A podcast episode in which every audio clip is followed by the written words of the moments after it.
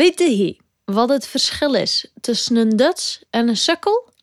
En als je nu denkt, waar is het over? Lust het dan maar goed mee. Welkom bij de podcast Zeus Vlaamse Verhaal. Ik ben Renske Bergmoes, taalnerd van beroep en West-Vlaming van oorsprong. Van jongs af aan wilde ik al iets doen met ons dialect en per toeval kwam ik tijdje terug het boekje Curzanse Verhalen tegen, geschreven door een. En aangezien ik van mening ben dat een dialect vooral is om naar te lusten, en ik hier voor jou een schone podcast van gemaakt. Om het dialect in leven en de kinders en kleinkinders, maar ook de oudjes, te vermaken. Vandaag wil ik het hebben over het woord Duits.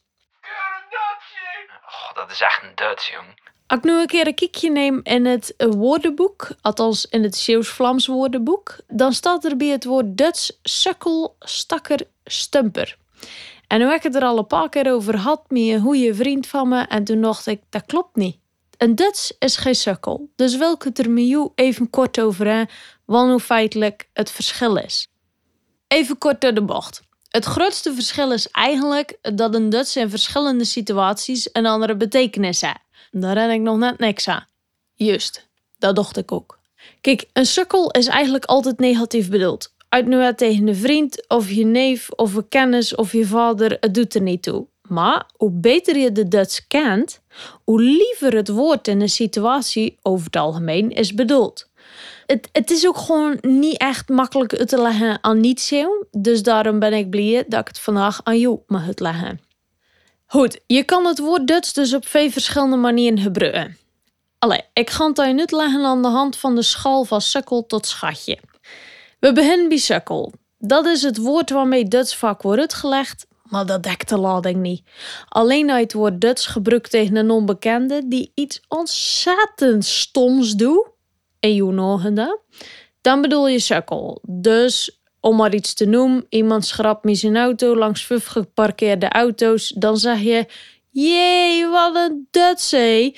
Te veel zoop zeker. De volgende is idioot. Je kent de Duts in kwestie vrij goed, maar ook weer niet te goed. Het is een beetje eh, zo van als je elkaar ziet, dan zwaaien en is het, oh, is het zo goed? Maar voor de rest niet. En deze persoon in kwestie, die doet dus iets stoms, zoals liegen. Daar reageren hij vervolgens mee, hij stomme Duits. Dat kan. Dan krijg je in ieder geval hè, vust op je kaken, dus daar hoef je niet bang voor te zijn.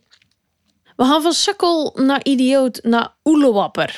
Als je het woord Duits over of tegen een onbekende gebruikt die iets lichtelijk stoms doet, verbaast de actie van die onbekende jou. Iemand toetst bijvoorbeeld drie keer een verkeerde pincode in. En dan zei hij: Hoe kreeg je het voor elkaar? Wat een Duits! Vervolgens gaan we de, naar de gekkie. Of de persoon in deze situatie een bekende of een onbekende is, dat maakt niet uit. Maar het komt erop neer, deze persoon doet gek. Dus bijvoorbeeld ontzettend overdreven dansen op de dansvloer. En hier vindt het grappig en gek. En je zegt, haha, keer een Dutchje. Tot slot zijn we aangekomen bij het laatste nummertje van de schaal van sukkel tot schatje, namelijk schatje.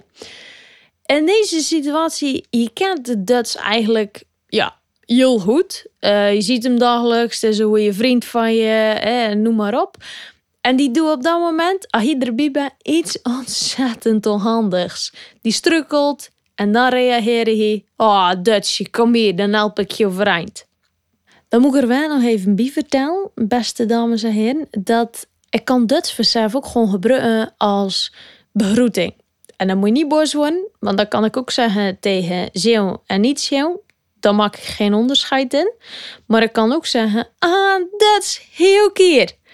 Het wordt wel gebruikt bij goede bekend of vriend. Dus als ik het tegen jou zeg, dan is het in ieder geval een goed tegen, denk ik als ik het tegen iemand zeg die ik niet zo goed ken, of het is de eerste keer dat ik die persoon tegenkom, dan ga ik waarschijnlijk een klap op mijn kaken krijgen.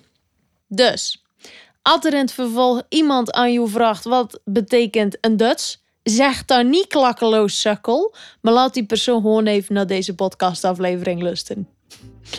Goed, ik ben benieuwd wat je ervan vindt. Of je me nu een Duits of een sukkel vindt, dan laat ik aan jou over. Als je nog meer interpretaties weet van het woord Duits of een verzoek tot de woordenboekenmaker om de betekenis aan te passen, dan hoor ik dat graag van jou. Tot de volgende keer en uh, de naaste geiten.